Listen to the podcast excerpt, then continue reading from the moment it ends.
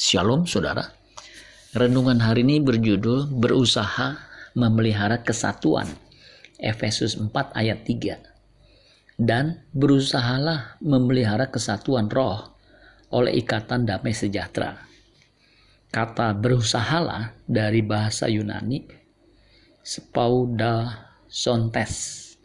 Spauda sontes itu dari kata dasarnya spaudazo artinya to hasten, mempercepat, to exert oneself, memaksa atau mendesak diri sendiri.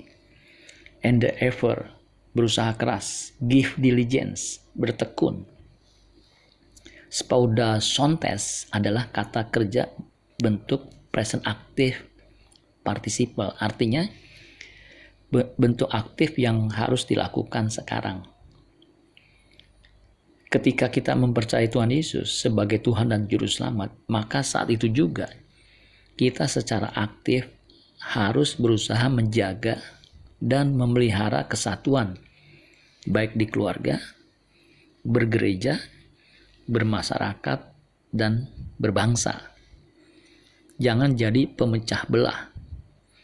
Iblis suka memecah belah supaya orang saling menyerang satu sama lain. Kesatuan akan terwujud jika kita hidup rendah hati, lemah lembut, sabar, saling mengasihi, dan saling membantu. Salah satu panggilan penting orang percaya adalah memelihara kesatuan di mana pun ia berada. Amin buat firman Tuhan. Tuhan Yesus memberkati. Sola Gracia.